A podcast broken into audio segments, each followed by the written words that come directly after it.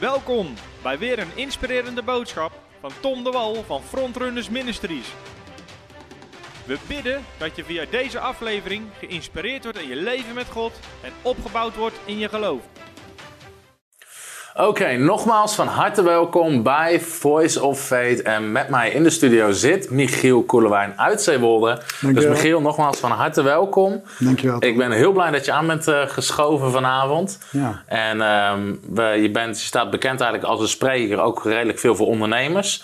We hebben een thema gekozen waardoor wat Michiel gaat delen ook enorm interessant zijn voor iedereen die niet aan het ondernemen is. Het thema wat ik heb gekozen is zeven sleutels voor eh, langdurig succes.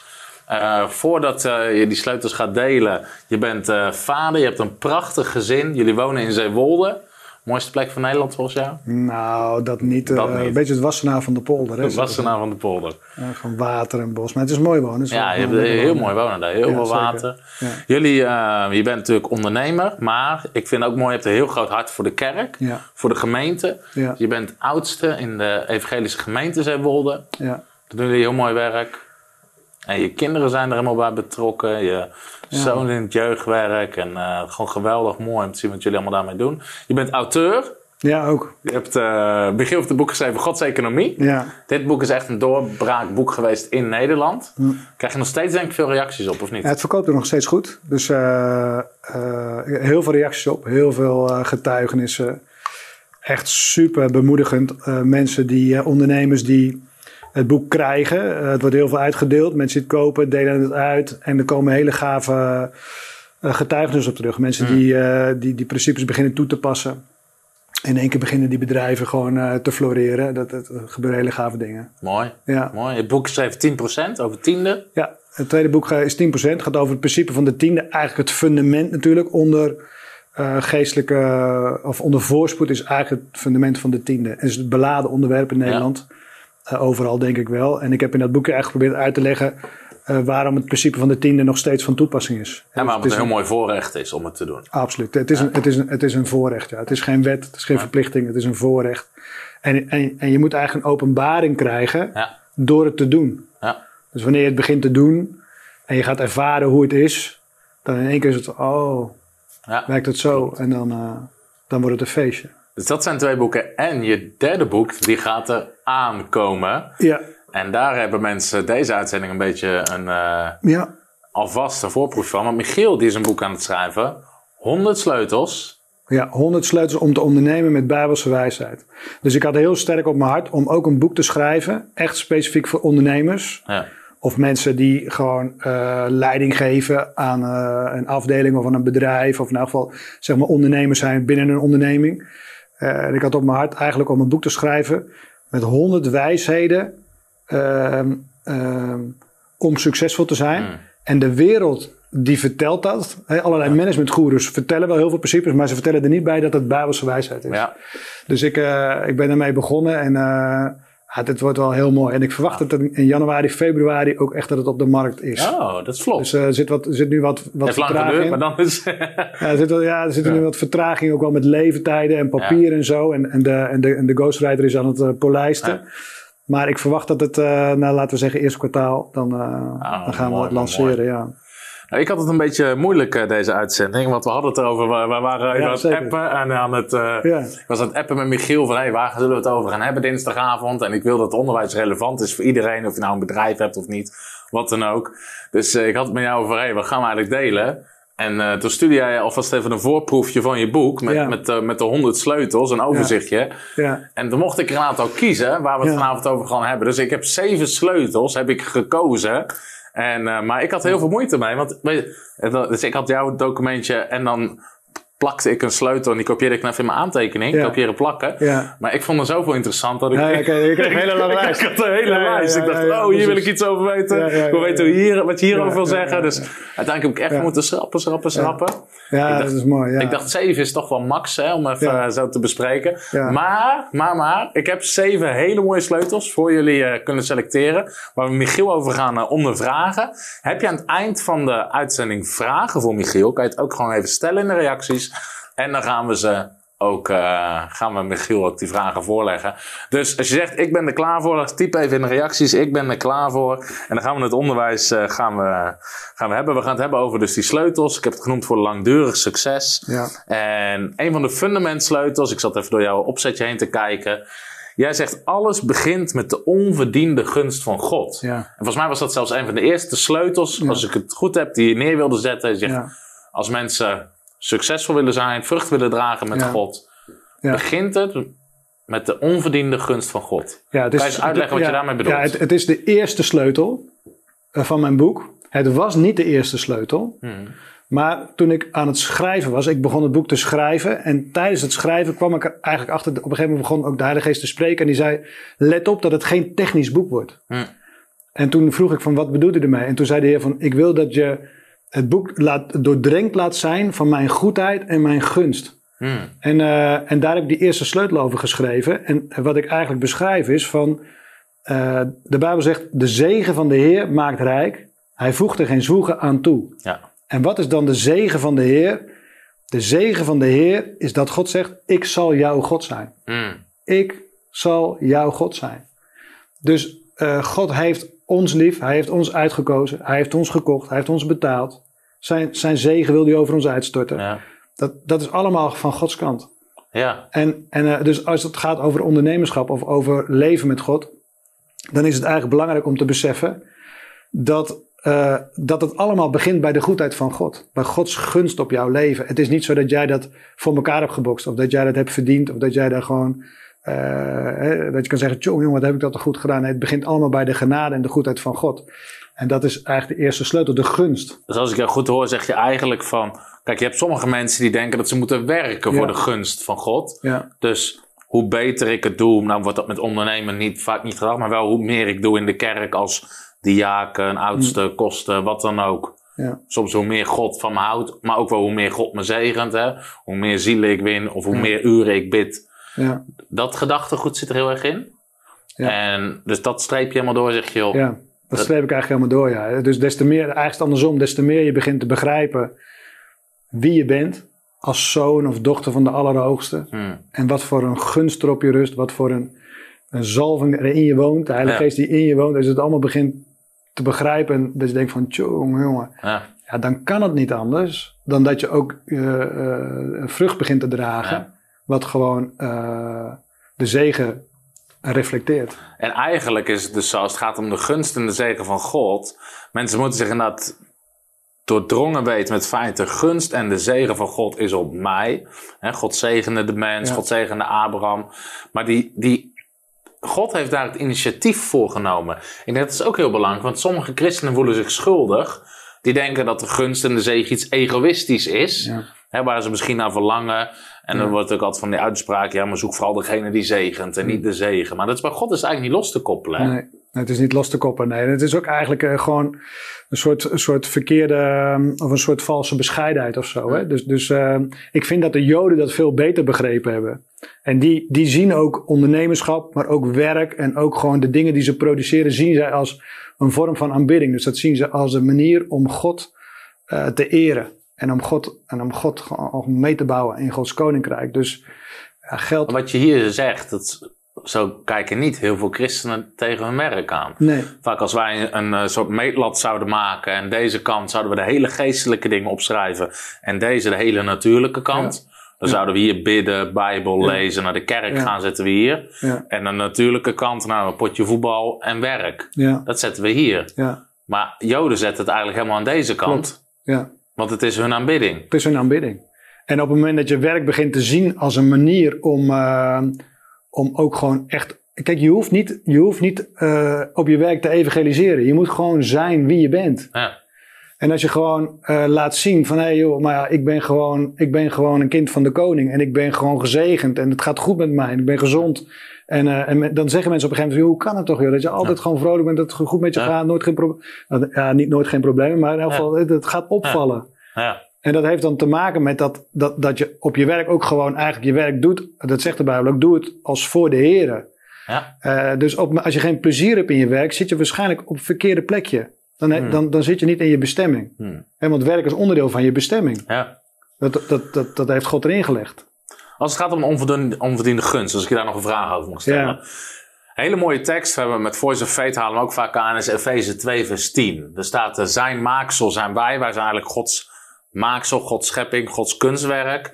En er staat er om te doen de goede werken die God heeft voorbereid voor ons. Ja. Dat heeft eigenlijk te maken met die onverdiende gunst Ja. en zegen. Dat we zien eigenlijk de dingen, he- heeft God al lang voor ons voorbereid. Als jij terugkijkt op je, op je leven, je carrière, je hebt, je hebt verschillende dingen gedaan. Ja. misschien kort opzommen een beetje voor de mensen wat je allemaal hebt ondernomen of hebt gedaan in je leven, hoe dat gegaan is? Ja, ik ben, ik, ben, eh, ik, ben, ik ben geboren in Spakenburg. Dat is een ondernemend dorp. Ja, En ehm, ik had als, als, als, als, als, tiener had ik dat ook voor ogen. Ik dacht, ik wil eigenlijk ook gewoon ondernemer worden. Ik vind het mooi. Ik wil eigenlijk Ja. wel met koek of met vis naar de markt en gewoon business maken. Maar goed, eh, in ons gezin eh, eh, nou, was het belangrijk om te studeren. Dus ik ging ook studeren in Amsterdam. Ik heb economie gestudeerd. En toen ben ik terechtgekomen bij PON. Ik ben gaan werken in de automotive. En, ehm, en toen ik mijn eerste baan, mijn eerste baan, toen ik daar begon, toen dacht ik dat ik in de gevangenis beland was. Mm. Dus ik, ik zat daar op een kantoorafdeling met een hele grote klok. En, eh, en daar zat ik vijf dagen in de week. Ik voelde me zo opgesloten. Ja. Maar ik, kwam, ik deed helemaal niet wat ik. Ik, ik zat helemaal niet in mijn, in, mijn, Nee. in mijn bestemming, in mijn kracht. Dus, ik, eh, dus het duurde niet heel lang. Ik heb een aantal maanden daar gewerkt, een maand of zeven, acht. En toen ben ik al heel snel gaan doen wat, er ook, waar ik ook passie voor had. ja, En dat was eigenlijk ook gewoon door alert te zijn op de kansen die zich voordeden. Mm. En de mensen die ik ontmoette. Eh, toen ben ik uiteindelijk gaan werken bij een leasemaatschappij. Heb ik allemaal nieuwe dingen bedacht. Dat zat ook in me. Zo, zo heeft God mij ook gemaakt. Ik Ja. hou van nieuwe dingen. Dus al heel snel had ik een baan waar ik nieuwe dingen deed. Mm. Eh, en vervolgens eh, kocht ik een huis in Zeewolde. Toen zei ik tegen die directeur, ik werkte in Leiden. Ik heb een huis gekocht in Zeewolde. En toen zei hij, dat kan helemaal niet, want je moet hier blijven werken. Want, de- de- de- en toen zei ik, nou weet je wat we doen? We nemen een deel van het bedrijf en dat, dat verhuizen we naar de Flevopolder. Ja. En dan ga ik het voor jou regelen daar. Ja. Nou, en zo ontstond eigenlijk een nieuw bedrijf in de Flevopolder. Mm.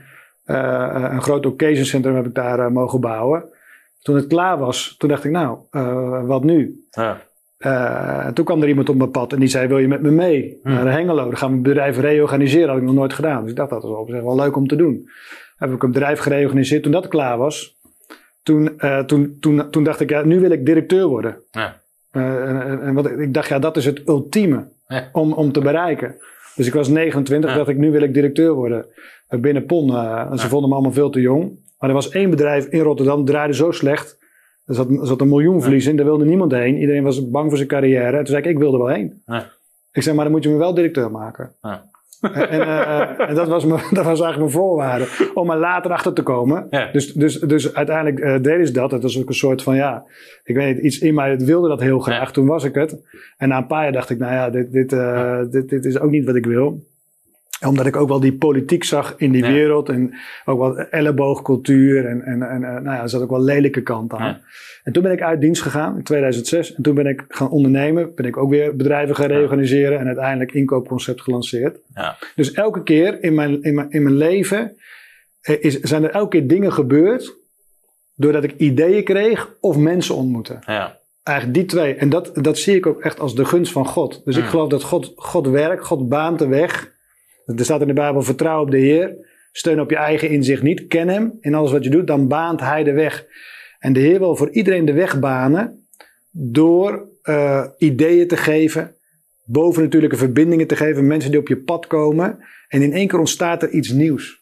En sinds je echt, je bent op een gegeven moment natuurlijk, je bent christelijk opgevoed. Ja. Op een gegeven moment ben je steeds met die geloofsprincipes, Ja.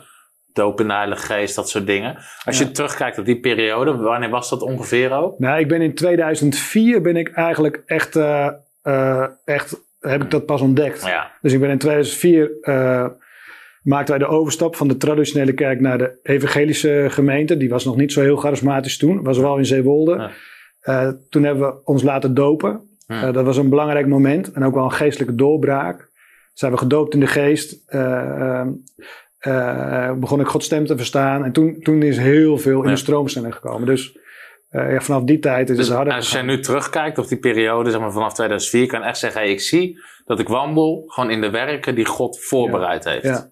Ja, dus ik zie, dus ik zie eh, je gaat op een gegeven moment ga je verbanden zien. Ja. Dus kijk, als kind, als kind zat ik in een hele grote kerk in Spakenburg.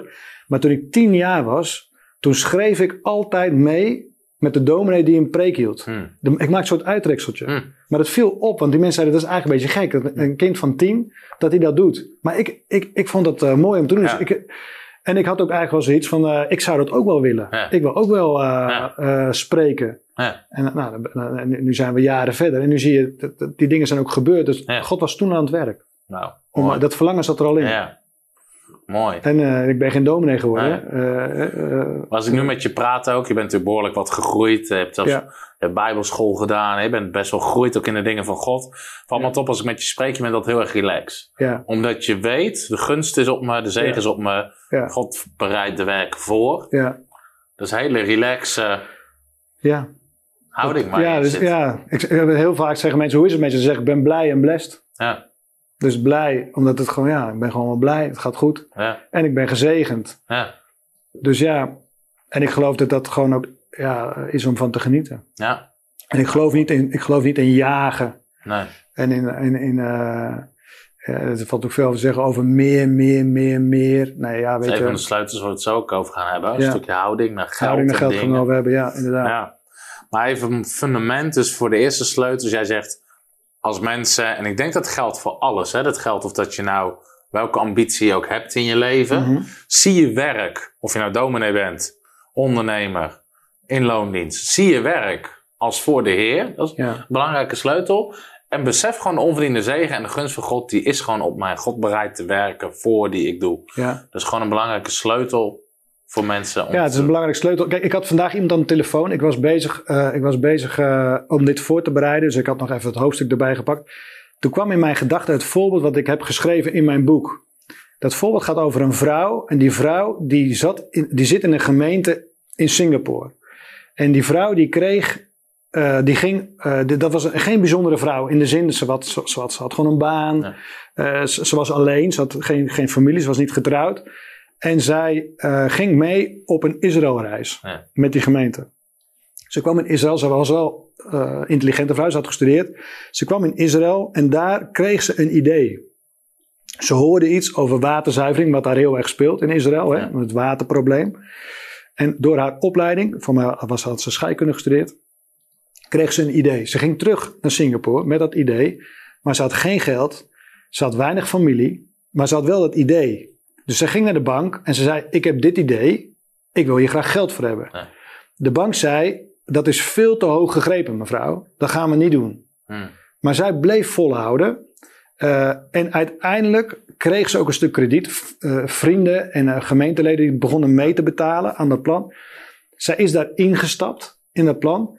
En is uiteindelijk multimiljonair geworden. Van mij is ze zelfs miljardair geworden. Hm. En vanmiddag zat ik over na te denken. Toen dacht ik, ik moet dat getuigenis even verifiëren. Ik Ja. moet eigenlijk even dubbelchecken. Want ik, heb het, ik had het verhaal gehoord Ja. eh, in, eh, eh, een keer op YouTube. Eh, dus ik belde een voorganger Ja. die ik ken. waarvan ik wist dat hij zou kunnen weten of dit, hoe dit in elkaar zit. En hij, hij bevestigde dit verhaal. Hij zei ja, dit klopt inderdaad. Ik zeg joh, ik heb ernaar gezocht op YouTube. Hij zei ja, zei die, eh, eh, dit is een hele succesvolle vrouw geworden. Zij is inderdaad ja, eh, of multi, eh, multimiljonair geworden Ja. of tegen een miljardair aan. Maar in elk geval, en toen, toen ik erover nadacht, toen dacht ik van dat is eigenlijk de gunst van God op haar leven. Zij was gewoon opgeleid, maar door een idee van de Heer, eh, waarmee ze aan de gang ging, ja, ja, begon eigenlijk haar onderneming. Ja. En, eh, en dat vond ik zo'n gaaf voorbeeld. Dus, dus het is niet doordat ze keihard had gewerkt of gezwoegd. Nee, ze had gewoon. Komt De gunst. Een idee, ja. En dat zie je natuurlijk ook in het leven van, eh van, eh, van Jozef terug. ja. Je ziet het ook bijvoorbeeld bij Jacob terug. Hè? Jacob die dan zeg maar zonder enig bezit naar Laban gaat. En wat gebeurt? Eh, hij begint die, die, die kudde begint hij te, te hoeden. Hij heeft een salaris afgesproken. En God begint het te vermenigvuldigen. Ja, dat is gunst. Ja. En zo zijn er heel veel voorbeelden van Ja. gunst in de. Bijbel. En wij als kinderen van God hebben allemaal die gunst. ja. Maar de kunst is om het ook te gaan verwachten. Mhm. Dus als je er nou in je, in je baan zit of je zit in je werk. Of eh, wat we. Je moet de gunst. Je moet, je moet eigenlijk doordrongen zijn dat je die gunst hebt. Je moet eigenlijk beseffen van. Het Eh, werkt ook weer een stukje door geloof. Ja, Dus weten van, dit is mijn deel. Dit is wat God voor mij heeft. Dus ik zet mijn geloof, mijn verwachting erop. Je begint Ja, het te spreken, te geloven. ja, Dat klopt, ja. Ja, Ja, je beseft dat de gunst voor jou is. ja, Dan begin je ernaar te gedragen. Ja. Maar het is dus niet, eh, niet uitwerken, Nee. opdat niemand zal roemen, zegt de Bijbel. ja. Het is genade, het is gunst. Mooi, En daar begint het mee. eh, daar begint, daar begint Ja. het voor iedereen mee. mooi. Want anders gaan, anders, dan gaan mensen ook opscheppen. Dan, Ja. dan gaan mensen zeggen, nou, dat heb ik gedaan. Nee, dat is... Precies. Daarom wilde ik eigenlijk ook deze eerste sleutel meteen delen, omdat het zo'n fundamentsleutel is. Yes. Ik heb straks, we hebben straks ook een paar hele leuke dingen. We gaan Michiel even ondervragen over testamenten, schulden, eh, dat Ja, soort ja, dingen. Ja, ja zeker, ja. Maar, maar, maar even. Een van de ehm, sleutels die ik zag in jouw boek. En ehm, ik lees best wel veel boeken, allerlei eh, heel breed spectrum. Mhm. ook, het- ik lees ook dingen van niet-christenen, et cetera. En, en vaak speelt eh, bij die businessboeken speelt geld, Ja. bezit een hele belangrijke rol. Want daar doen ze het voor. Dat is niet bij allemaal, maar bij veel is dat Ja. toch wel een stuk motivatie, een Ja. stuk drive. Ja. En ik zat jouw boek door te lezen eh, en ik kom bij de sleutel uit. Hou je niet vast aan geld en bezit. Nee. Eh, zou, zou je dat toe kunnen lichten? Wat heb je daar zelf in geleerd? Wat, wat is dat principe voor jou? Ja, kijk, eh, kijk geld, geld is van nature neutraal. Ja, Hè, dus geld is een ruilmiddel, hebben we afgesproken, om mee te kunnen ruilen. Om gewoon een handel mee te kunnen drijven. Maar er zit ook een kracht en een macht achter geld. De Bijbel noemt dat mammon. En mammon wil vereerd worden. Die wil de plek van God innemen. En mammon zegt eigenlijk, stel je vertrouwen maar op mij. En dan zal ik voor je zorgen. Dat is wat mammon doet. Hè, dus geld, geld heeft in zich om je vertrouwen op te stellen. En dan kom je op glad ijs, want God zegt eh, eh, in Timotheus, zegt, hij tegen, eh, zegt Paulus tegen Timotheus, zeg tegen de rijken dat ze hun vertrouwen niet stellen op zoiets vergankelijks als zilver of goud, Ja. maar op de levende God. ja, Dus we moeten ons vertrouwen niet stellen op zilver of goud, op euro's, op geld, maar alleen op God. En, en dus geld is iets moois, het is een ruilmiddel. Het is ook goed om het te verdienen, want dan kunnen we het koninkrijk mee bouwen. Ja. Super belangrijk. maar op het moment dat we ons vertrouwen erop gaan stellen, dan komen we op glad ijs. Ja. Want God is de enige eh, waar we ons vertrouwen op moeten stellen. ik merk inderdaad toevallig, nu zitten we bij onze part- en bijbelschool, zitten we weer in de module ehm, voorspoed, voorziening. Hoe zit dat?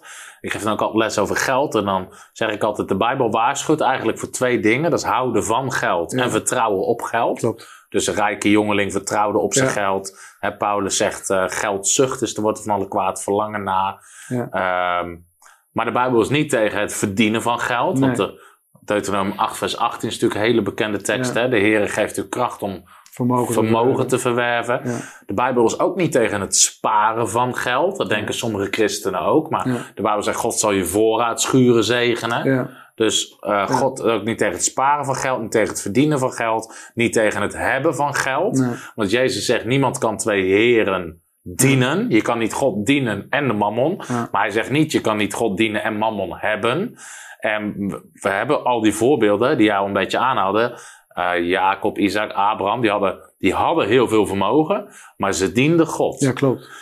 Waar zit voor jou dat. Ik, voor veel mensen merk ik, er zit een soort spanningsveld. Wanneer zeg jij, maar nou vertrouw ik op geld? Of hoe, of hoe blijf jij daar los van in je leven? Want je komt best wel veel geld als ondernemer, et cetera. Kom je mee in aan, aanmerking? Nou ja, de, de, wat ik zelf geleerd heb is om, eh, om te geven. Hm. Dus geven is de remedie om weg te blijven van mammon. Hm. Dus mammon wil vereerd worden. Mammon zegt stel je vertrouwen maar op mij. En er is maar één manier om niet in de band te komen van mammon en dat is geven. Hm. Dus geld geven, zaaien in het koninkrijk. Het begint natuurlijk bij de tiende. Daar gaan we het niet over hebben, want, eh, er is genoeg over te vinden. Het fundament van de tiende. Je geeft je eerste 10% aan de Heer. Daarna heb je zaad zaaien. Eh, dus, dus, ik, dus voor mezelf heb ik eigenlijk ontdekt dat, ehm, dat, dat, dat, het, dat het goed is als je meer gaat verdienen om ook meer te gaan geven. Hm. En om eigenlijk op die manier los te blijven van geld. En dat is ook wat. wat is- Mammon zegt eigenlijk, je gaat meer vergaren, je wil Ja. meer hebben. Maar jij zegt, Ja. nou, om daar los van te ja. komen, ga ik juist ga ik wat meer Ik ga geven. meer geven. Kijk, er staat, dat, dat noem ik in mijn boek de driehoek van Timotheus. Dus, dan staat er in 1 Timotheus 6, eh, s- eh, zeg tegen de rijken dat ze hun vertrouwen niet stellen op zoiets vergankelijks als zilver of goud. Dus eh, vers 17, beveel de rijken in deze tegenwoordige wereld dat ze niet hoogmoedig zijn. Dat, dat is ook een, een principe. Hè? Dus je moet niet trots worden. Geld kan je trots maken. Mm. dat heb ik verdiend. Dat eh, heb ik voor elkaar Je geboekt. ziet, in, is dat iets ook van onze tijd nog meer dan ooit voor dat mensen hun identiteit bouwen op hun geld? Hè? Met hele dure Ja. merkkleding, Ja. hele dure auto's, hele dure horloges. Ja, eh, met de hele Instagram, social media wereld. Dat eigenlijk een stuk hoogmoed met geld veel meer hand in hand gaat dan ooit tevoren. ja. Ja, ik denk dat er wel een kern van waarheid in zit. Ja, ja. ja dus, dus, dus, dus dat ze niet hoogmoedig zijn en hun hoop niet gevestigd houden op de onzekerheid van rijkdom. Mm. maar op de levende God, die ons alle dingen in rijke mate verschaft om ervan te genieten. Dus het eerste is, je moet je vertrouwen er niet op stellen. Het tweede is, je moet ervan genieten. We vergeten Ja. ook heel veel. eh, Ja. wat, eh, ik bedoel, heel veel rijke mensen worstelen daarmee. Hè? Ja. Ondernemers zeggen, ja, mag, ik er wel, eh, mag er wel van genieten? Ja. Nee, je mag, er wel, je mag er absoluut van genieten. En dan staat er, en drie, ook om goed te doen. Dus dat is het derde. Rijk te zijn, in goede werken, vrijgevig te zijn en bereid om samen te delen. Dat is de derde. Dus het is een driepoot. Ja. Dus je hebt een poot, je moet je vertrouwen er niet op stellen. Je mag ervan genieten Ja. en geef rijkelijk weg. Mm. Als je die drie doet, dan blijf je in balans. Mm. Dan blijf je in balans van, van geld. Mooi. En dus, dus eh, kijk, een van de sleutels die ik ook beschrijf in mijn boek, dat gaat erover van. eh, als je nou een onderneming hebt, of je, of je, of je, bent, eh, of je hebt een baan, of in elk geval je, je doet het goed, dan verdien je geld. Hè, dan dan, dan eh, beschrijf ik in mijn boek ook de principes van investeren en passief inkomen. Maar op een gegeven moment kun je op een punt komen dat je financieel onafhankelijk bent. En wat doe je dan? Ja. En dan is het goed om een punt te bepalen. Te zeggen, oké, dat is waar ik tevreden mee ben. En het, het meerdere geef ik weg. En dat maakt het weer onderscheidend ten opzichte van alle managementgoeroes. Ja. Kijk, eh, kijk, het boek eh, van eh Kiyosaki is ook bekend, hè, Rijke Pa, Arme Pa. Die beschrijft hoe je passief inkomen moet verwerven. Dus je moet werken, of ondernemen schrijft hij. Hij zegt, eh, bouw een bedrijf. Daarna investeer voor passief inkomen. En daarna zegt hij van, en blijf ermee doorgaan, blijf ermee doorgaan. Maar ik geloof dat, dat, dat er nog een diepere wijsheid is die God geeft. En die zegt eigenlijk van, nee, als je dat hebt gedaan, bepaal dan een punt waarop je 100% aan het koninkrijk gaat geven. Mm. En, dat is, en, en dan krijgt het leven ook betekenis. Maar dat hoor je nergens. Dat hoor je, dat hoor je net. Eigenlijk is het Jezus' gelijkenis. Is dat Lucas 13, de rijke dwaas? Ik denk Lucas Eh, 13 12, of. Lucas 12. Lucas 12 vertelt Jezus een verhaal. Hij zegt, er was een rijke man en weet je, zijn voorraadschuren zaten vol en ik kwam Ja. nog meer oogst binnen. En toen zei hij, weet je wat ik doe? Ik, bouw, ik breek die schuur af en ik bouw nog grotere. En dan zegt hij tegen zijn ziel, rust jaren uit, eet, drink, feest, heb het goed. En dan zegt, eh, en dan staat er dwaas, deze nacht nog wordt uw, zie- wordt uw ziel van u geëist. Ja. En dat is eigenlijk de gelijkenis van, voor mensen is het nooit genoeg. Hè? Je kan altijd grotere voorraadschuren, meer bankrekeningen, Ja. meer dit, meer dat. En Jezus noemt het een dwaas. Het is een dwaas omdat hij nooit genoeg had. Dus Ja. de grens is ergens, wanneer zeg je ik heb genoeg in mijn leven? Ja. En jij zegt op een gegeven moment komt er een punt, ik heb genoeg, er komt genoeg inkomen binnen uit verschillende Ja. bronnen. Alles daarboven zaai ik in het Koninkrijk van God, in zendingswerk, bedieningen, kerken, gewoon dat er... Ja, En dat, is ook, en dat is ook een bescherming voor jezelf. En dat punt mag je zelf bepalen. Hè? Ja. Dus de ene zal zeggen, nou, eh, dat is voor mij bij 3000 euro, de ander bij 10, de ander bij 20. Dat mag je Ja. zelf bepalen. ja, Kijk, ik was, ik was een paar jaar geleden was ik op een cursus en het ging over vastgoed. En, ehm, en het, die duurde geloof ik drie dagen, die cursus. En, eh, dus ik bleef slapen. En s s'avonds hadden we, gingen we eten. En, ehm, en, eh, en ik zat tegenover degene die die cursus gaf. Ja. En het ging over appartementen kopen. En hij had er, ik geloof, 150 inmiddels. En toen vroeg ik aan hem van, joh, je hebt nou 150 appartementen. Je hebt één kind, één dochter. Je bent financieel onafhankelijk. Je hebt vele miljoenen gemaakt. Waarom doe je het nog? ja, Wat is je motief? ja, Want ja, eh, er is al meer dan genoeg. ja, Eh, hij heeft één kind. Dat kind is ook al miljonair. Zijn dochter ook al miljonair. ja. Waarom doe je het nog? En toen zei hij tegen me, hij zei, ik doe het voor de kick. Hm. Dus het, de- de- het motief was de kick. En toen dacht ik, nou, ik, ik ben toch blij met een ander motief. Ja. Een, motief om echt gewoon het koninkrijk te bouwen en gewoon samen met God op te trekken. ja. En geld echt een bestemming te kunnen geven. Mooi. Ehm, dus, dus dat geeft heel veel diepgang, Ja. of vervulling. Ja, mooi. Had deze man trouwens ook kunnen hebben, hè, die rijke dwaas. Ja. Ja, maar hij, hij, hij was alleen maar ik gericht. Ik, ik, ik, Ja, ik, ja, ik. ja, ja. Ja. Ik ga liggen, ik ga zitten. Dus jij zegt eigenlijk als het gaat om die tweede sleutel, van hoe blijf je eigenlijk vrij van, houd niet vast aan geld of bezit. Zorg dat dat je niet hoogmoedig bent, dat je niet egoïstisch wordt. Zorg dat je veel vrijgevig bent. Zet daar ook een bepaalde grens. Ja, En, en dat is eigenlijk op die manier zorg je gewoon dat je vrij blijft daarvan. vrijblijvend, ja, vrijblijvend geld is niet helemaal vrijblijvend. Er zit een kracht achter. Ja, En je wil niet gepakt worden door geld. geld jij moet geld regeren. ja. Geld moet niet jou regeren. Nee, En daardoor, dan, dan, geef is daarin de, de beste Mm. bescherming. mooi, Ja. mooi. Ook iets wat de wereld bijna niet kent hè, op die Nee. manier. Nee, de wereld is toch gericht op het meer en meer verzamelen, veiligstellen. Oké. nou, dan gaan we het nu hebben over een, eh, een andere sleutel waar heel veel vragen over komen. Wel of geen schulden maken. Oeh, ja, ja, ja, wel of geen schulden maken. Dit is spannend. Ja, en heel actueel, hè. Ja. We leven natuurlijk eh, in een enorme schuldencultuur. Rentes staan lager dan ooit tevoren.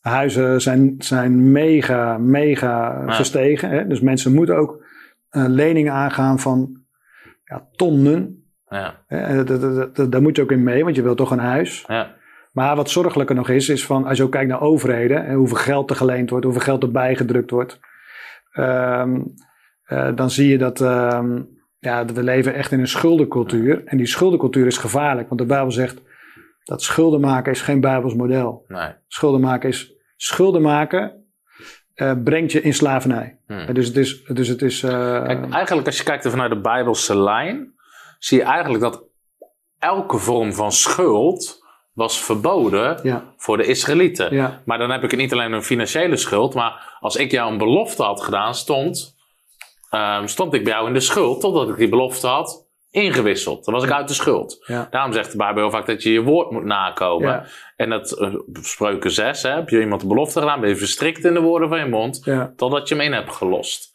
En dat was eigenlijk, was zelfs een jubeljaarsysteem, waardoor mensen hun schuld vrij werd. Dus God is helemaal geen voorstander van schuld. nee, Terwijl wij in onze maatschappij is schuld zoiets normaals. Niet alleen voor een huis. Veel auto's zijn gefinancierd, telefoons, televisies. eh, verzin het maar. ja. Ja, dat klopt ja. Het is heel normaal geworden. En kijk, als je kijkt in de Bijbel naar het verhaal van eh, Elisa, Ja, hè, die komt bij die vrouw eh, en die vrouw heeft schulden. ja. Twee koningen. Twee koningen vier. Twee Ja. koningen vier. En, ehm, en dan staat daar van, eh, dat die vrouw, eh, de man is overleden en zij heeft schulden. En dan zegt ze, de schuldeiser komt eraan Hmm. en die gaat mijn kinderen meenemen. Hmm. Nou, dat staat heel ver bij ons vandaan. Ja, Maar als je kijkt wat er gebeurt in landen, ehm, eh, Afrika, India, en je leest de verhalen hoe daar ja, kinderen in slavernij komen, heeft altijd, bijna altijd te maken met een schuld die de ouders aan moeten gaan, Hmm. omdat een oogst is mislukt of ze hebben geld nodig. Maar nu met die kindertoeslagenaffaire in Nederland. Natuurlijk was het schuld van. Ja. de overheid. Maar er Ja. zijn mensen die Ja. in schulden komen. En waardoor de overheid bepaalt, ja, maar met dit soort financiële, ja, in zo'n financiële situatie kan jij geen zorg dragen voor je kinderen. Er worden letterlijk hun kinderen afgenomen. ja, ja, dat is waar. Ja, dat is heel dichtbij dan. Ja? Ja, zeker ja. Dus er zit gewoon een enorme keerzijde aan schuld. Ja. En die wordt vaak niet gezien. En we zitten, ik geloof dat we nu in een hele spannende tijd zitten. Waarin, waarin, we, waarin, we de, waarin de schulden alleen maar opstapelen. Ja. Hè, maar, maar, maar, eh, maar wat gebeurt er straks op het moment dat eh, de boel teruggaat? Hmm. En we hebben allemaal eh, huizen met tophypotheken. En landen met topschulden. Ja, dan, dat, dat, dat, dat is heel spannend. ja, jij denkt het systeem gaat een keer klappen waar we nu met ja, elkaar... dat is zeker. Kijk, het systeem gaat een keer klappen, want het systeem is nergens op gebaseerd. Nee. Dus, de, de Dus misschien, ik denk dat heel veel mensen dat niet weten. Maar ehm, heel lang was geld was gebaseerd op een bepaalde goudwaarde. Hè? Ja, Dus zoveel geld stond tegenover goud. ja, Uiteindelijk is president Nixon volgens Ja. mij, hè, die heeft dat losgekoppeld. Die heeft gezegd, ja, de dollar zit niet meer gekoppeld direct op goud. Goud. Dus vroeger, als er meer geld bij moest, moest daar een bepaalde hoeveelheid goud tegenover gestaan. ja. Nu is dat niet zo. Nee. Overheden kunnen onbeperkt bijdrukken, Bijdrukken, ja. zonder dat daar iets tegenover staat. Ja, Dus er is niks wat dat systeem... Het is eigenlijk gewoon papier met een getal erop, waar iedereen in gelooft. Dat is wat het is, maar er zit geen body achter. Nee, het is helemaal gebaseerd op vertrouwen. Ja, Daarom is het ook fiat money. Hè? Het, is, het is geld alleen maar gebaseerd op vertrouwen. ja, En zolang iedereen het vertrouwt, gaat het goed. ja, Maar op het moment dat het vertrouwen wegvalt, dan stort het in. ja. En in de, in de wereldgeschiedenis heeft is er nooit geen systeem geweest wat dat heeft overleefd. Nee. Dus, dus, eh, dus een, een geldsysteem gekoppeld aan goud-zilver overleeft. Ja. Maar als het niet is gekoppeld, overleeft het niet. Eigenlijk mooi, want het zijn ook eh, goud en zilver zijn eigenlijk Gods Gods, geld. is Gods geld, Ja, zeggen Gods ze geld, vaak. ja, hè? klopt, ja. God zegt Haggai 2 vers Ja. 9, van mij is het zilver en het goud. Ja, Dus eh, dat, dat, dat is het systeem waar God in denkt. ja, In Genesis, sommige mensen hebben dit misschien nooit gelezen. Ik ga het even aan mijn hoofd doen. Volgens mij Genesis 2 vers 11. Zegt God, daar stroomt de rivier de Pison, waar het goud is. ja, Zegt God, het goud van dat land is goed. ja. Dat wijst God hun meteen aan in. Genesis. Ja. Ja, dat klopt, ja. Ja, weet je, dat doet me ook denken aan... eh, kijk, we, we, eh, we zijn geneigd ook om bijvoorbeeld de bankensector gewoon als neutraal te zien. Ja. Maar de, de bankensector is helemaal niet neutraal. Hmm. Want, want de banken zijn ook gewoon, is ook gewoon eigendom. Niet Ja. van de overheid, maar is gewoon eigendom van een kleinere groep, een, een relatief kleine groep aandeelhouders. ja. En die hebben het monopolie om geld bij te drukken. Hm. Dus, dus als je kijkt naar toen Jezus werd verzocht door de Satan. Toen zei de Satan, kijk eens om je heen. Dat alles zal ik je geven als je voor mij knielt. ja. Dus, dus Satan was in staat om al die rijkdommen te geven als Jezus voor hem zou knielen. Nou ja, eh, eh, vandaag de dag zie je dat de rijkdommen van de wereld, dat is ook verbonden met eh, de, de, de, de, bankensector die geld kan bijdrukken, is helemaal geen, is helemaal geen goddelijk systeem. Hmm. Waarom zei God tegen de Joden: ik, ik, ik, ik geef een instructie. Na zoveel jaar moet je alles kwijtschelden. Het jubeljaar. Het jubeljaar, het 50ste jaar, moet je alles kwijtschelden. En dan zei hij: En denk dan niet in het 49ste jaar: Ik ga jou niet uitlenen, Ah, ja. want dan krijg je Ja. het misschien niet terug in Ja. jaar 50. Ja. Want dat, dat is logisch om te denken. Ik Nou, ik ga jou niet eh, eh, 20k lenen, want eh, Ja. Tom, eh, eh, nog een jaartje. En dan zeg je: joh, ah, jubeljaar. Eh, eh, maar, dus, maar het is, dat, God stelde dat systeem in omdat Hmm. hij wist hoe schadelijk schuld was. Want Hmm. schuld, schuld brengt je in slavernij. En in die tijd was het zo, je kwam uit slavernij Hmm. in het vijftigste jaar. Heel veel mensen denken en zeggen: Ik heb een eigen huis. Ja, het was je hypotheek niet betaald. Dan zie je, dan zie je van wie jouw huis Ja, is. dat klopt, ja. Mensen met een lease-out zeggen: Ik heb een eigen auto. En Ja. totdat je je termijn niet betaalt, dan zie je van wie jouw auto is. Je kan zeggen: Ik heb een iPhone. Ja. Totdat je abonnement niet betaalt, dan Ja. zie je van wie je iPhone is. Ja, Dus zo eigenlijk is eigendom is het principe van God. Hè? Eigendom, Ja. ergens rentmeester over zijn, ergens Ja. beheer over hebben. Nou, kijk, een van de vragen die heel vaak wordt gesteld is van, ja, oké, prima, schulden is niet bijbels, we moeten er vanaf. Maar ik wil ook, ik wil een huis kopen. Hè? En, en, eh, en dat is ook een terechte vraag. Hè? Van oké, maar hoe ga je dan met schuld om? En ik denk, dat, ik denk dat dat niet heel eenvoudig is. Het wordt steeds moeilijker.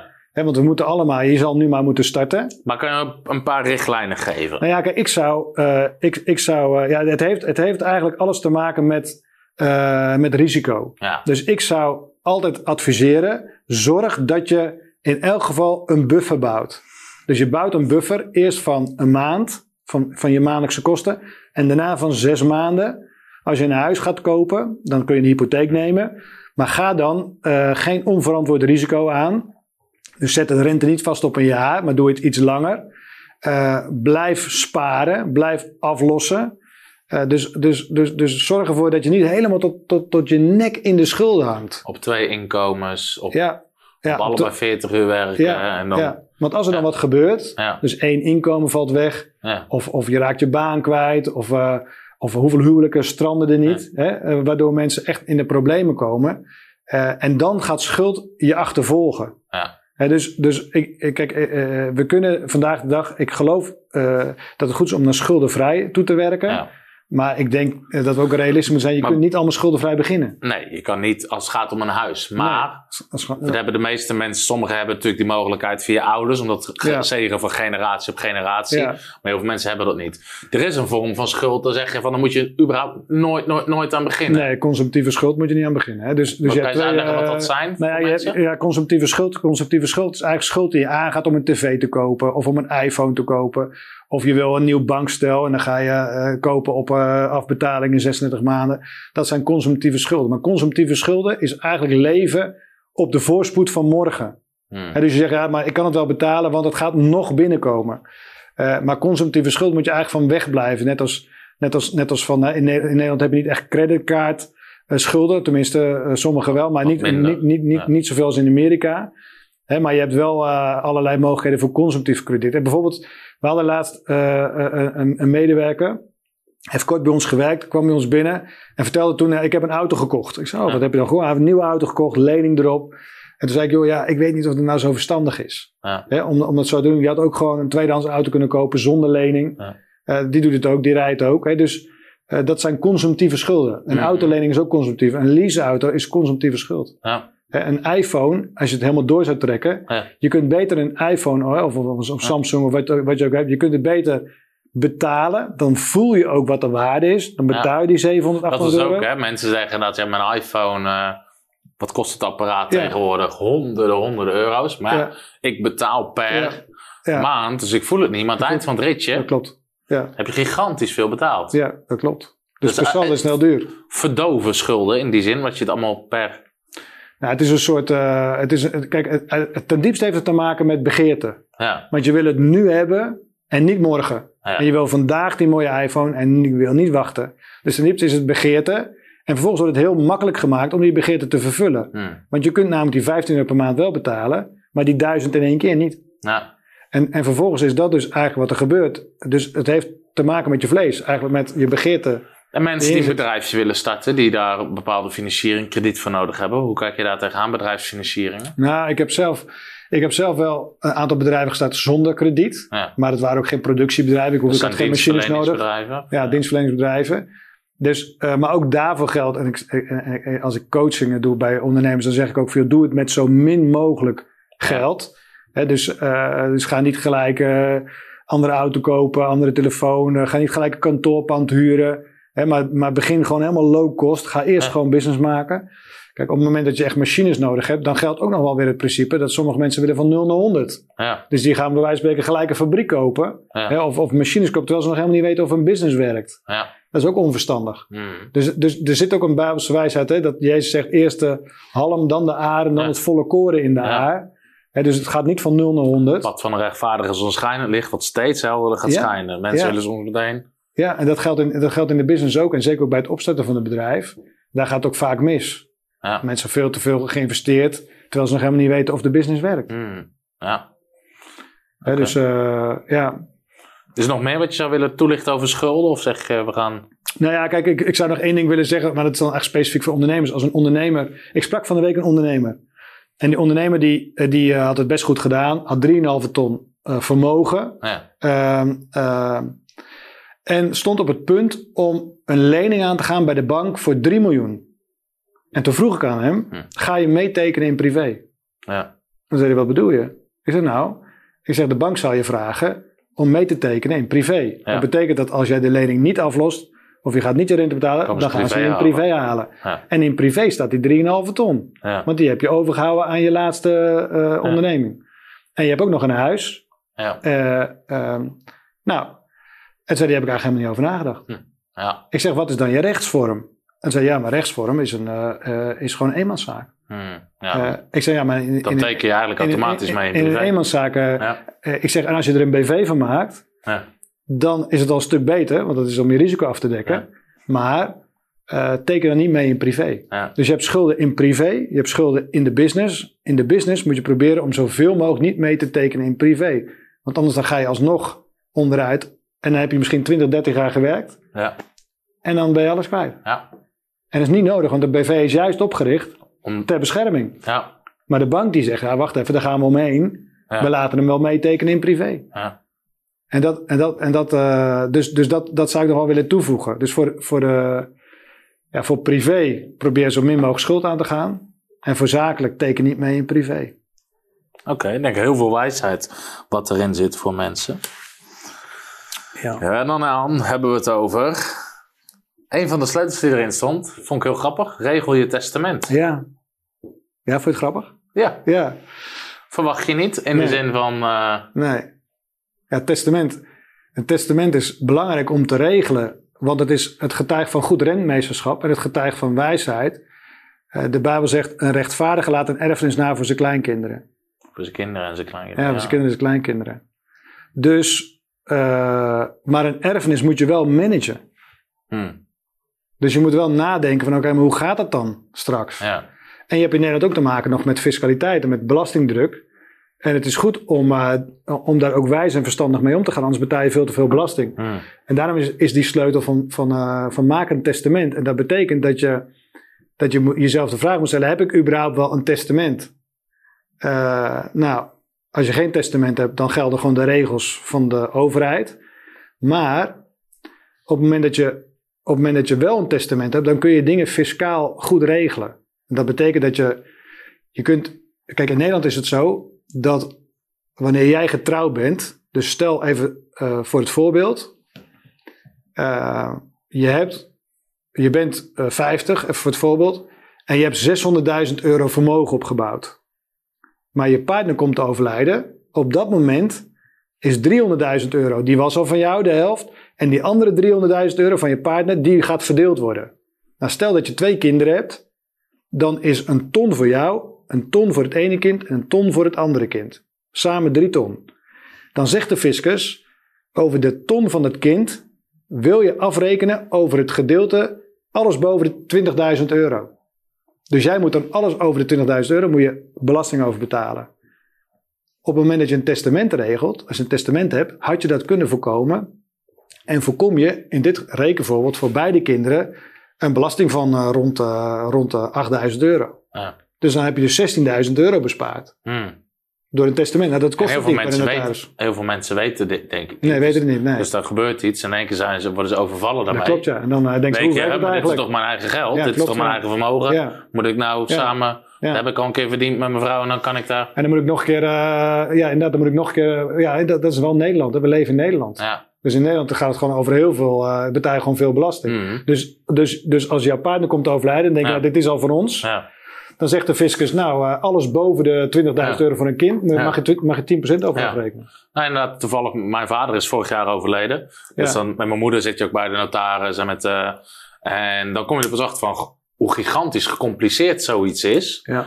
En dat je inderdaad behoefte hebt, gewoon hele goede mensen die erin kunnen adviseren. Terwijl, wat ik ook wel soms merk bij veel christenen, het moet allemaal maar goedkoop. Ja, Ik zoek er even op op Google, ik Ja. zoek het even hier, ik zoek het even, even daar. Ja. Maar dat, dat is eigenlijk, als het gaat om dit soort dingen, denk je, ja, ik doe het even goedkoop. ja, En je krijgt verkeerd advies. En aan het eind van het ritje kan het je smerig veel geld kosten. ja, klopt. Wat gewoon direct naar de Belastingdienst gaat. Kijk, Jezus zegt, geef aan de keizer wat van de keizer toebehoort. En ik zeg dan, maar wel zo min mogelijk. Ja, ja zeker. Ja, daar ben ik wel mee eens. Ja. Ja, je moet gewoon je betalen. Je, belasting betalen is belangrijk. Is ook trouwens ook gewoon goed. Weet je, we moeten met elkaar dat dragen. Eh, maar het is goed om, het is goed om, eh, een, eh, om, om gewoon naar de notaris te gaan in je dorp en zeggen: Mag ik eens een keer een half uurtje praten over het testament? Ja. En dan krijg je adviezen. En dan, en, dan, en dan zeg je: Nou, wil je het alsjeblieft voor me regelen? En dan wordt het allemaal netjes op papier gezet en is Ja. klaar. Ja. En, want het is wat je zegt: Kijk, je hoeft het niet allemaal, je hoeft geen notaris te zijn. Hè? Je hoeft het niet allemaal te doorgronden. Maar het is wel goed de om het vragen weten te stellen, dat je weet waar je aan toe bent. ja, dat je, als je de hoofdlijn maar kent, de hoofdlijn van hoe het werkt, dan word je niet overvallen. Hmm. En daarom heb ik dat opgenomen in mijn boek van regel je testament. En eh, het is ook belangrijk, ook gewoon wel voor dingen als eh, stel nou dat je vermogend bent Ja. en, je- en je komt eh, vroeg te overlijden. Wanneer wil je dan dat je kinderen de beschikking krijgen over je geld? Ja. Misschien kunnen ze dat met 18 nog helemaal niet aan. En wie mag het dan beheren? Wie is dan je bewindvoerder? Daar moet je over nadenken. Ja. En door erover na te denken, op papier te zetten.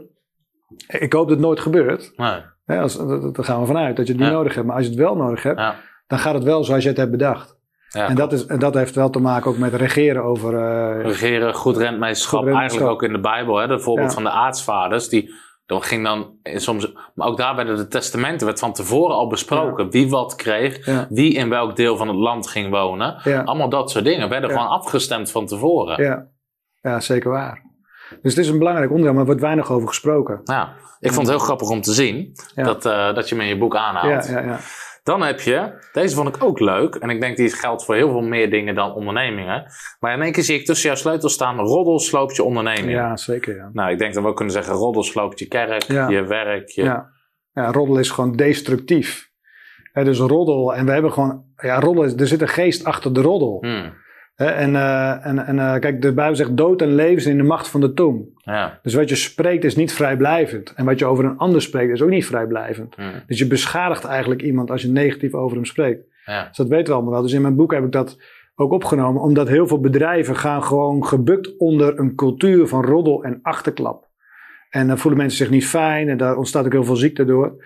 Eh, dus het is belangrijk om die roddel te ontmaskeren en eigenlijk ook afspraken over te maken. Hoe ga je daarmee om? Dus ik adviseer ook van, eh, spreek met elkaar af. Eh, wat zijn, je, wat zijn je, je regels als je het hebt over praten over elkaar? En een hele goede regel is van, dus stel dat ik nu met jou zou praten over willekeurig iemand, dan zou de vraag moeten zijn, als die hier zo bij zou zitten en hij zou het horen, zou het dan nog steeds oké zijn? Ja, Wat we zeggen. ja, Dat is een goede test. ja. Als dat niet kan, dus als wij praten over iemand en diegene zou het horen en zeggen, oeh, ja. hè, dat, dan, dan, eh, ja, dan is het niet goed. is een thema natuurlijk waar de Bijbel heel veel over te zeggen heeft. Maar ook, jij, hebt, jij, hebt- jij richt natuurlijk voornamelijk op ondernemers. Heel veel kerken gaan er kapot aan. Heel Ja. veel families gaan Ja. er kapot aan. Ja. Is gewoon roddel, roddel, roddel. Ja. Je zei net iets even in de voorbereiding over roddel. Vond ik ook heel mooi. Dat zou het kunnen herhalen. Over het broertje van roddel. Ja, het broertje van Roddel. Ja, ik zei tegen jou van, eh, er is een broertje van Roddel. Het het broertje van Roddel is suggestie. En ik geloof dat suggestie een van de, een van de kwalijkste dingen is. ehm, gewoon ehm, in een kerk of in je bedrijf. Maar ook gewoon, ehm, ja, waar dan ook. En wat is suggestie? Suggestie is, stel nou dat je ergens pijn voelt. Dus je voelt pijn in je elleboog, eh, voor het voorbeeld. Vervolgens zeg je tegen iemand: ja, Ik heb de laatste dagen zo last van pijn in mijn elleboog. En dan zegt iemand: Oh joh, nou, wat het wel zou kunnen zijn. Dat is dat jij last hebt van een bobbeltje in je elleboog. En eh, dat is niet goed, dat is heel gevaarlijk, want dat groeit heel snel. En zo begint suggestie. eh eh er kan iemand met suggestie iets erin leggen wat er helemaal niet was. Dus suggestie is een waarheid die wordt gepresenteerd, niet gefundeerd. Het plant een zaadje in het hoofd van iemand anders. Die begint het te geloven, begint het te spreken. En voor je het weet is het zo. Dat is wat suggestie doet. Dus suggestie zie je heel vaak bijvoorbeeld als het gaat om eh, ziekte. Dus iemand eh, heeft ergens last van en, zegt ze, en dan komt iemand en zegt van... joh, het zou wel eens dit kunnen zijn, het zou wel eens dat kunnen zijn. Je gaat googlen. Je komt ook op oh, oh, die symptomen heb ik ook. Misschien heb ik dat wel. Suggestie. Misschien heb ik dat wel. En suggestie is ook eh, eh, dat je... er gebeurt iets in je onderneming of er gebeurt iets in je, in je gezin. En, dan, en dan, dan doe je een aanname. Oh, eh, dat zal hij of zij wel hebben gedaan. Of je ziet twee personen met elkaar praten op kantoor. En je Ja. denkt, die, hebben, die zijn onder één hoedje aan het spannen Precies. tegen. Ja, ja, ja. Ze, hebben het vast, ze, ze zullen het wel over mij hebben, is suggestie. Dat is Ja. een aanname. Ja. En suggestie is heel kwalijk. Omdat het namelijk, kijk, roddel is gebaseerd. Kijk, roddel is, is een leugen die je vertelt over een ander. Ja. Hè? Ehm, dat gaat erin als een lekkernij, zegt spreuken. Eh, suggestie is ook, is ook een leugen. Hm. Want het is eigenlijk iets wat je niet zeker weet. Je neemt iets aan. Ja, dus niet per definitie een leugen, maar het is Ja. een waarheid die niet is geverifieerd. Ja. Dat is suggestie. Hm. En het kan dus alle kanten op. Dus dus in, de, in, de, in de rechtbank zie je het heel veel. Advocaten gebruiken dit heel veel. Zou het kunnen zijn dat... Ja. Zou het kunnen zijn dat dit en dat en dat is gebeurd? Helemaal uit het niks. Ja. En in één keer komt er dus als een zaadje in het denken. In één keer gaat het erover. Ja. En voordat je het weet, eh, is het waarheid geworden. Ja. Eh, ik heb wel eens iemand horen zeggen... Suggestion is a devil. Hm. Ik, vond het wel, ik vond het wel krachtig. Ik denk, nou, voor, voor, mij, voor mij zit er echt een geest achter. Hm. Achter roddel en suggestie. Dus jij bent er ook streng op in je bedrijf, gewoon dat soort dingen? Ja. ja, wij proberen echt gewoon... Wij proberen echt een cultuur te creëren... waarin roddel en achterklappen niet is. Hm. Dus open, eerlijk. Eh, bij ons is het ook zo... eh, eh, ook geen vuile praat. Geen, geen, geen seksueel getinte moppen, opmerkingen. Ja. Dat, dat, dat, we hebben wel eens gehad dat er iemand... We zijn een bedrijf met veel christenen... maar niet iedereen is christen. We hebben ook wel eens iemand aangenomen. De eerste dag begon die grappen te maken. is gelijk, hey, dat is niet de cultuur die we hier hebben. Ja. Dus we niet wat we willen. Dan zegt iemand, oh, oh, waarom dan niet? En dan leg je het uit. Ja. Dan zeggen wijken hier vrouwen, gaan we respectvol mee om, gaan we geen grappen over maken. Ja. En, is gelijk, eh, en dat is dan het voordeel wat je hebt. Als ondernemer kun je dat gewoon bepalen in je Ja. bedrijf. Je kan zeggen, dat willen we niet. Ja. En, en mensen voelen zich daar veilig door. Ja. Ja, en, dan, en dan krijg je een goede cultuur. Mooi. Mooi. Mooie sleutel ook die je deelt in je boek. Dank je. Dan, ehm, deze is denk ik ook, eh, we hebben er nog twee. Wel of niet verzekeren. Oh, Die staat er ook in. wel of niet verzekeren. Wel of ja, niet zeker, verzekeren. Dat, is heel, dat is ook een heel mooi, heel mooi, heel mooi stukje wijsheid. Kijk, er is natuurlijk een hele groep christenen die zeggen, joh, ik vertrouw de Heer. Ja, Ik doe helemaal niks met verzekeringen. ja, ja. Ja, daar is wat voor te zeggen. Ja. Hey, Ik, ik, ik, ik, eh, ik wil het ook gewoon respecteren. Ja. Ik, ik, ik heb het ook wel eens gehoord. Dat, en dat gebeurt ook wel in sommige kerken. Dat zeggen, Ja. oké, als, dan, Ja. als dan het huis van broeder Jansen Ja. afbrandt, Ja. Dan zullen we met elkaar het Ja. huis van broeder Jansen weer opbouwen. Ja. Maar dat is volgens mij ook gewoon verzekering. Ja. Dan doe je gewoon met elkaar. Dus dan is je verzekeringsmaatschappij is de kerk. Ja. Hè? Eh, En natuurlijk vertrouw je op de Heer. Ja. Hè? En je vertrouwt op je, op, op, op je broers en zussen. Kijk, ik, ik heb zelf eh, als, eh, als leidraad van verzeker alleen wat je zelf niet kan betalen. Mm. Dus ik verzeker niet mijn fiets. Ik verzeker ook niet mijn iPhone, ook niet mijn laptop. Ik verzeker ook niet de dingen die ik kan betalen. Ja. Als het, dus, dus stel dat mijn fiets wordt gestolen, Ja. dan kan ik morgen een andere fiets kopen. Ja. Waarom zou ik hem dan verzekeren? Ja. Dat is niet logisch, want uiteindelijk betaal ik die, die verzekering, die betaal ik, ik betaal die fiets, op lange termijn betaal ik die fiets. Ja. Als ik tien jaar lang verzekering betaal, heb ik die fiets denk ik gewoon terugbetaald. Ja. Dus bij een iPhone ook, eh, kijk, een iPhone kan vallen, gaat die kapot, mijn schermpje kapot.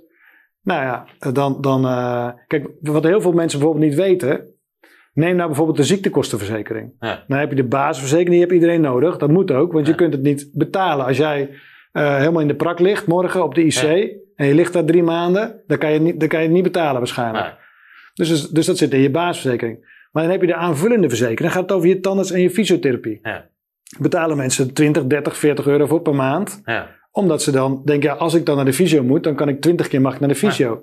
Maar de fysio kost 30 euro per keer, keer 20 is 600 euro. Ja. Hè? Eh, dus dat moet je terugrekenen naar je premie. De meeste mensen doen het niet. Nee. Dus die verzekeren iets wat ze ook zelf kunnen betalen. Mm.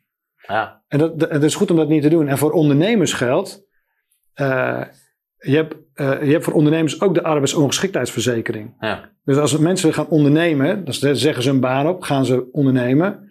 Dan bestaat er een verzekering, dat is arbeidsongeschiktheidsverzekering. Dus een verzekering, als jij dan niet meer kan werken, dan krijg je uitgekeerd. Ja. Dus je, je bent arbeidsongeschikt geraakt. Eh, nou, dat, heel veel ondernemers die sluiten die verzekering niet af, omdat ze het te duur vinden. Ze zeggen, ja, dat kost me 2, 3, 4, 5.000 euro per jaar, dat ga ik niet doen, dat kan ik niet betalen. Maar als je het niet kan betalen, dan moet je je afvragen of je wel goed aan het ondernemen bent. Ja. En of je risico niet te groot is. Want als jij je gezin achterlaat eh, zonder inkomen, omdat jij zo nodig wilde ondernemen, maar geen verzekering hebt afgesloten, dan heb je iets gedaan wat je niet zelf kon betalen. Hm. Dus een arbeidsongeschiktheidsverzekering is Ja. belangrijk voor iedereen. En ik denk, mensen moeten inderdaad ook heel bewust zijn waar je wel God voor gelooft. Want ik heb Zeker. inderdaad mensen ook wel zeggen, maar weet je, ik geloof God dat niet zal gebeuren. Ja, Eh, of iets gestolen wordt, of Mhm. dit of dat. ja, Maar, ehm ja, moet ik dat zeggen? Je geloof moet ook wel iets gaan produceren. Dus sommige mensen die hebben al 40 jaar geen cent te makken. ja. En ze schuiven alles maar op, maar ik vertrouw God, maar ik vertrouw Ja. God. Maar ja, jouw vertrouwen in God, hè, de Bijbel zegt Deuteronomium 8 vers 18, de Heer geeft je kracht om vermogen te verwerven. Dus op een gegeven moment moet er ook iets gebeuren, dat je gewoon een serieus vermogen hebt. Dat je bepaalde dingen gewoon kan betalen, kan regelen, kan doen. En niet eh, in alles eh, moet bidden elke keer voor een wonder. Want uiteindelijk is dat ook niet het plan wat God heeft voor je leven. Nee, kijk, eh, het, is, het is minimaal belangrijk om een buffer te bouwen. Ja, dus dus eh, dat is ook gewoon bijbels, Ja. om een buffer te bouwen.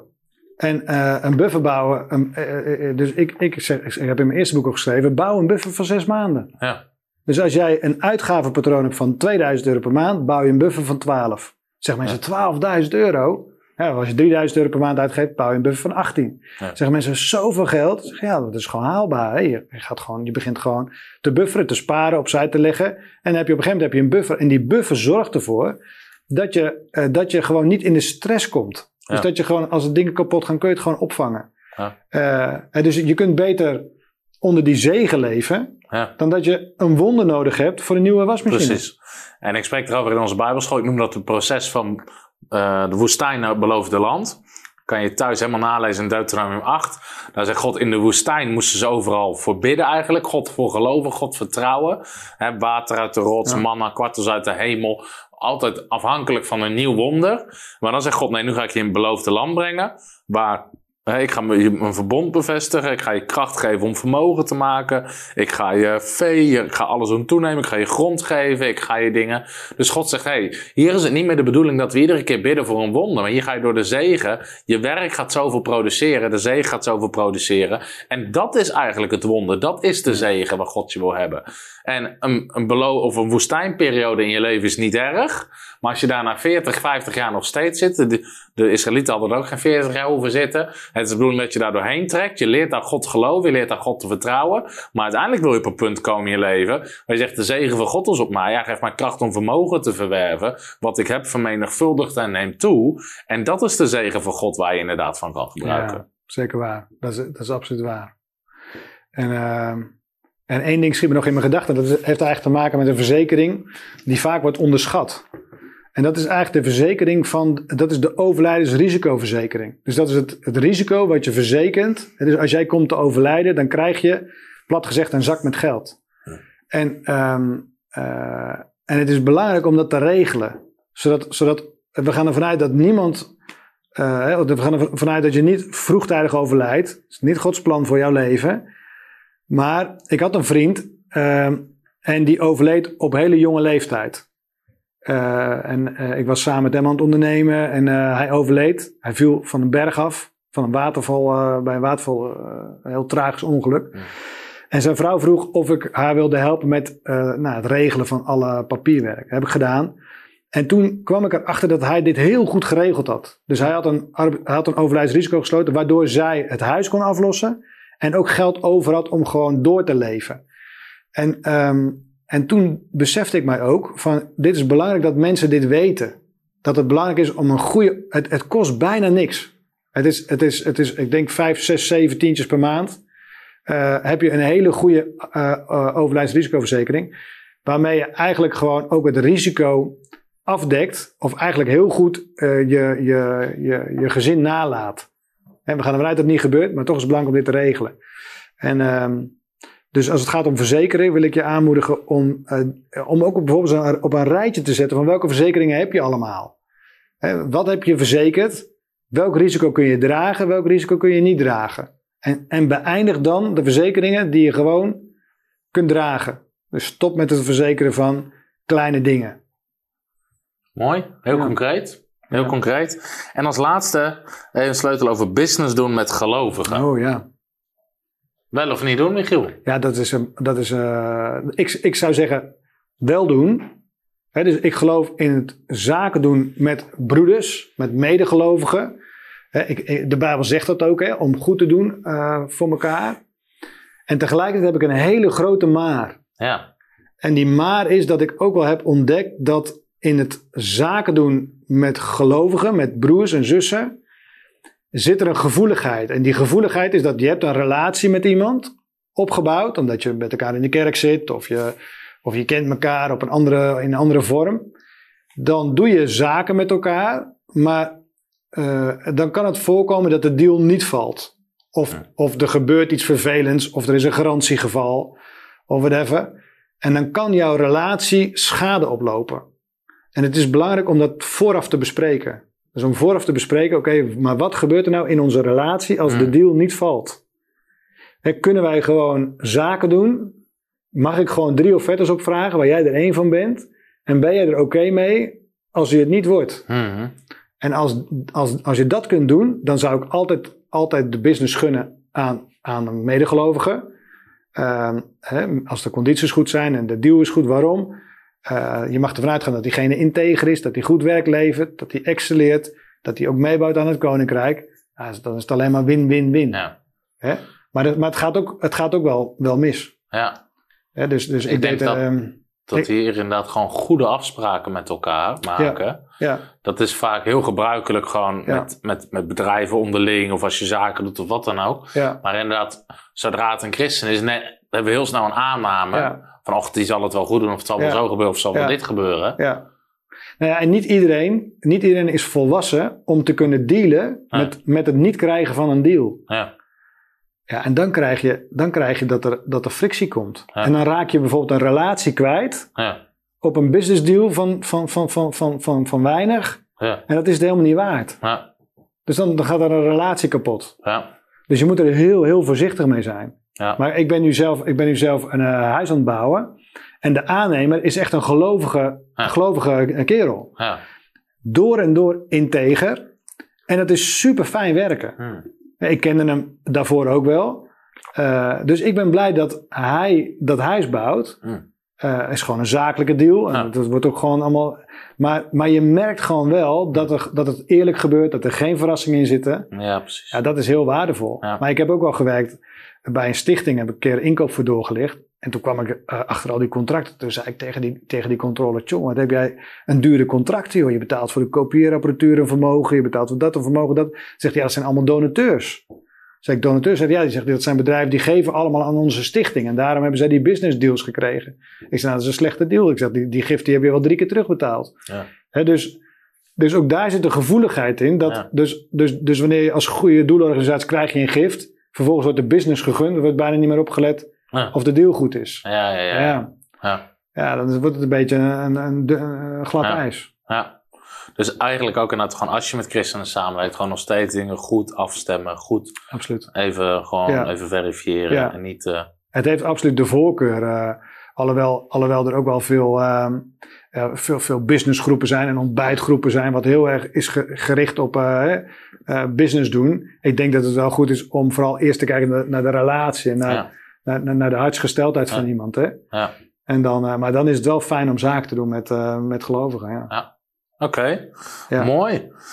Nou, ik denk dat dat waren een beetje de zeven sleutels die ik, eh, Had uitgekozen, hè? die ik had uitgekozen. ja, ja, zeker. Dus eh, in ieder geval hartstikke bedankt voor alle wijsheid, et cetera, die, eh, die je met ons gedeeld hebt. Als er mensen zijn die vragen hebben voor Michiel, Ja. stel ze even in de reacties. Dan kunnen we ze ook voorleggen met dingen die ermee te maken hebben. Je boek komt uit met 100 sleutels. Dus we hebben Honderd dat- sleutels, ja. je- deze zeven zal je in je boek ook nog wat dieper uitwerken dan Ja. nu in een paar minuten. ja. Dus mensen, we hebben nog 93 te goed van Michiel. Maar kwartaal 1, 2022, komen ze naar jullie toe. Terwijl mensen even kunnen een vraag kunnen stellen. Eh, in de reacties kunnen misschien mensen ook even willen we de kans geven. Gewoon om te zeggen, hey, iedereen die partner is van Frontrunners willen we echt ontzettend bedanken. Maar wil je ook uitnodigen als je nog geen partner bent van Frontrunners. Om partner te worden en mee te bouwen. En Michiel, misschien wil jij even kort toelichten ook vanuit Ja. jouw visie. Wat, wat, je, wat de partnerschap dat eigenlijk een bijbels model is en wat dat doet ook. Ja. Want je hebt er ook hele mooie openbaringen over. Ja. Ja, het is absoluut zo dat, eh, dat partnerschap is eigenlijk het Bijbelse model waarop je verbonden kan raken met de zegen die God geeft op allerlei bedieningen.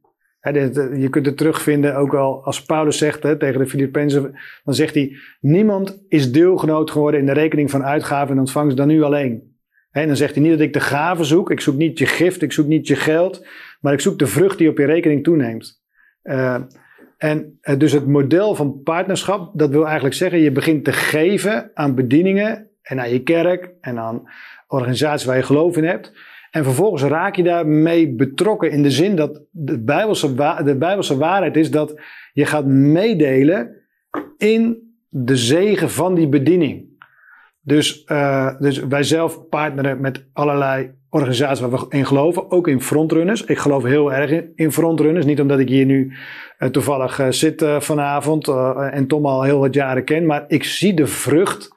Ik zie de vrucht in de bediening van frontrunners. En omdat ik die vrucht zie, dus ik zie mensen die tot geloof komen. Afgelopen weekend zag ik op Instagram over die genezingsdiensten waar gewoon tientallen mensen genezen.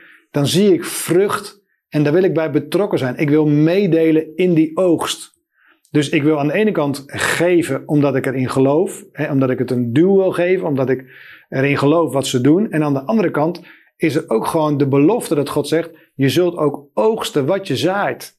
Eh, dus, en daarom is het gewoon gaaf om te zaaien in bedieningen die vrucht dragen. En ik vind frontrunners in Nederland een van de bedieningen die gewoon super, super gaaf werk doen, omdat ik vrucht zie. Eh, dus de, de, de, de, de, de gebeurde dingen komen mensen tot geloof, worden mensen genezen, eh, worden mensen bevrijd. Ik kwam hier vanavond binnenlopen eh, en toen dacht ik, wat zijn die mensen, wat is die druk? En eh, toen begreep ik dat er gebedslijnen open waren. Dus, de- dus er zat een heel gebedsteam te bidden voor mensen. En dan denk ik van ja, dat is gaaf. Maar het kost wel geld natuurlijk. om het allemaal te regelen. Camera's, telefoonlijnen, zalen die moeten worden gehuurd.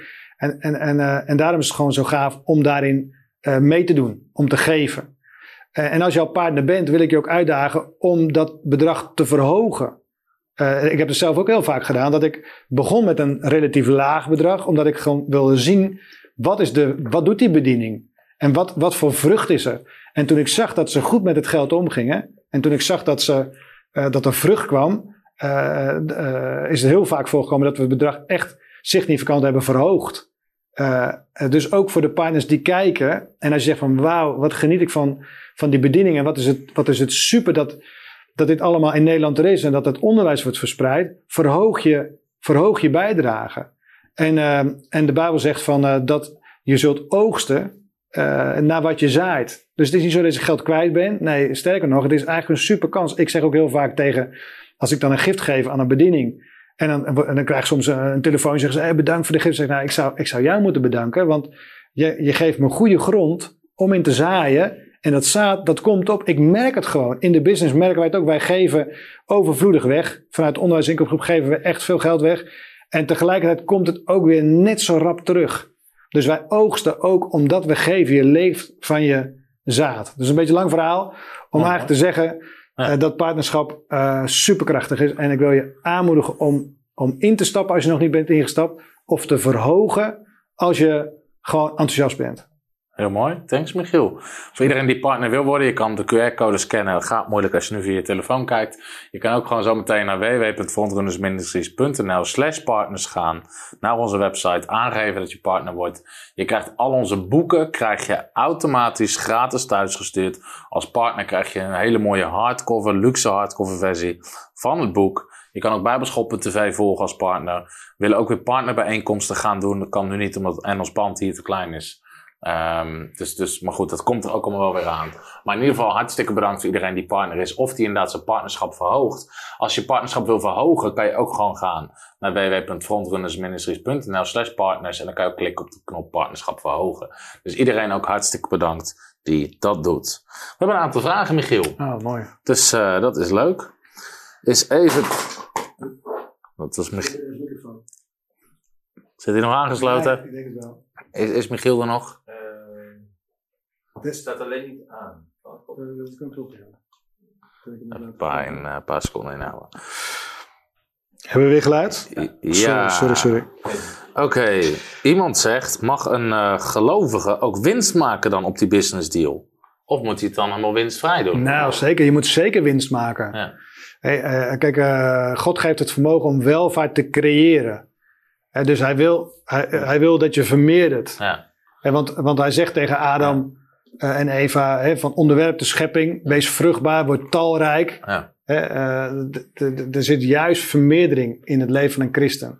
En dus aan de ene kant, je moet je ook. Ik heb een hele preek op YouTube die heet Voel je goed over zaken doen en winst maken. Dus iedereen die daar vragen over heeft, die hele preek kan je kijken. Ja. Maar ik denk ook, als het gaat, je moet een andere gelovige ook zijn winst gunnen. Ja.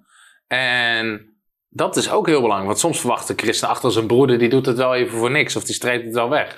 Maar zeker in een bedrijf, als je geen winst maakt, maak je eigenlijk automatisch verlies. Ja. Want er zit tijd in, er zit, er zit allerlei dingen zit erin. Dus zelfs al zou, al zou je geen winst maken en nog steeds een factuur voor de onkosten, heb je eigenlijk nog steeds verlies gemaakt van alle tijd, alles wat je erin. Een, een bedrijfsresultaat wat aan het eind van het jaar eigenlijk niet, niet, uh, uh, niet zo is zoals het had moeten zijn. Dus wees daar niet te krampachtig in. Even kijken. Wat hebben we nog meer? Hoe ga je om als je in een niet-christelijk bedrijf werkt als werknemer en daar worden allerlei opmerkingen gemaakt die niet in lijn zijn met het woord van God en dat Ja. soort dingen? Hoe ga je daarmee om?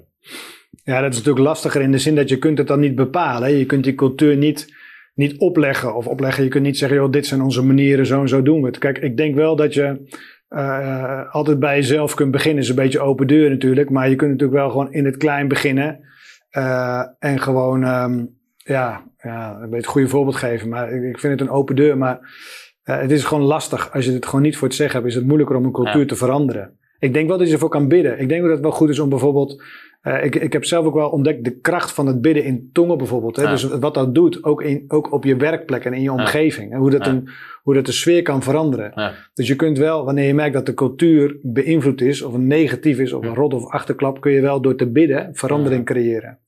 Ja, klopt. En wat ook wel belangrijk is, zorgen dat mensen in die zin groeien in respect wat ze voor je hebben. Ja. Door inderdaad, door het goede voorbeeld, door goed te presteren op je werk, et cetera. Dat mensen je ook als een voorbeeld zien en respect voor je hebben. En dan zullen ze ook veel minder snel allerlei lelijke opmerkingen maken. Dus dat is natuurlijk ook, ook een, een concrete tip daarover. Ik denk dat dat eigenlijk wel een beetje de vragen waren. Dus weinig vragen. Ik heb er nog één. Heb jij er nog één? Lambert die appt even zijn persoonlijke vraag door hier. Eh. Ehm, moet je ook een overlijdensverzekering afsluiten als je alleenstaand of single bent? Nee. Nee? Nee, want kijk, eh, je sluit een overlijdensrisicoverzekering Ja. omdat je iets wil achterlaten aan iemand die Ja. anders in de problemen komt. Als je alleen bent, ja, Ja. dan eh, komt er niemand in de problemen. Nee. Eh, Oké. Duidelijk. Nou, Michiel, hartelijk bedankt graag gedaan. dat je helemaal van Zeewolde afgereisd bent naar het zuiden, naar Werkendam. graag, graag gedaan. Dus eh, laten we Michiel ook, eh, je kan hem in de reacties even bedanken, maar het is ook gewoon heel gaaf. Mocht je in de buurt van rondom Zeewolde wonen en je zoekt nog een mooie gemeente, de EGZ, Evangelische Gemeente Zeewolde, is een mooie gemeente, bloeiend jeugdwerk, bloeiend kinderwerk, gewoon een mooie gemeente, al mooi om bij Ja, jullie te zijn. Ja. Dus een mooie cultuur ook wat je proeft. Dus, dus dat is gewoon ook een mooie plek om heen te gaan als je daar in de buurt woont. Dus Michiel, nogmaals hartelijk bedankt. Waar kunnen mensen trouwens, als ze jouw boek willen lezen, waar kunnen ze die bestellen? Ze kunnen bestellen op eh, www.boasmedia.nl eh, en dan krijg je het gewoon eh, toegestuurd. Je kan het ook kopen bij bol.com. Je kan het ook kopen bij elke boekhandel in Nederland. Dus ehm, het is eigenlijk overal te verkrijgen. Oké, helemaal super. Hartstikke bedankt allemaal voor het kijken. En eh, volgende week dinsdag zijn we er weer live. Dus God zegen en tot de volgende keer. Hallo, Tom de Wol hier en bedankt dat je weer geluisterd hebt naar onze podcast. Ik bid dat het je geloof gebouwd heeft en je bemoedigd bent. Als je niet alleen een luisteraar van onze boodschap wil zijn, maar ook een verspreider daarvan, wil ik je uitnodigen om partner te worden van Frontrunners. Door jouw maandelijkse donatie help je ons om dit evangelie van Jezus Christus en het woord van God over heel de aarde te brengen. Om partner te worden, ga naar www.frontrunnersministries.nl slash partners en word partner. Hartelijk bedankt en tot snel.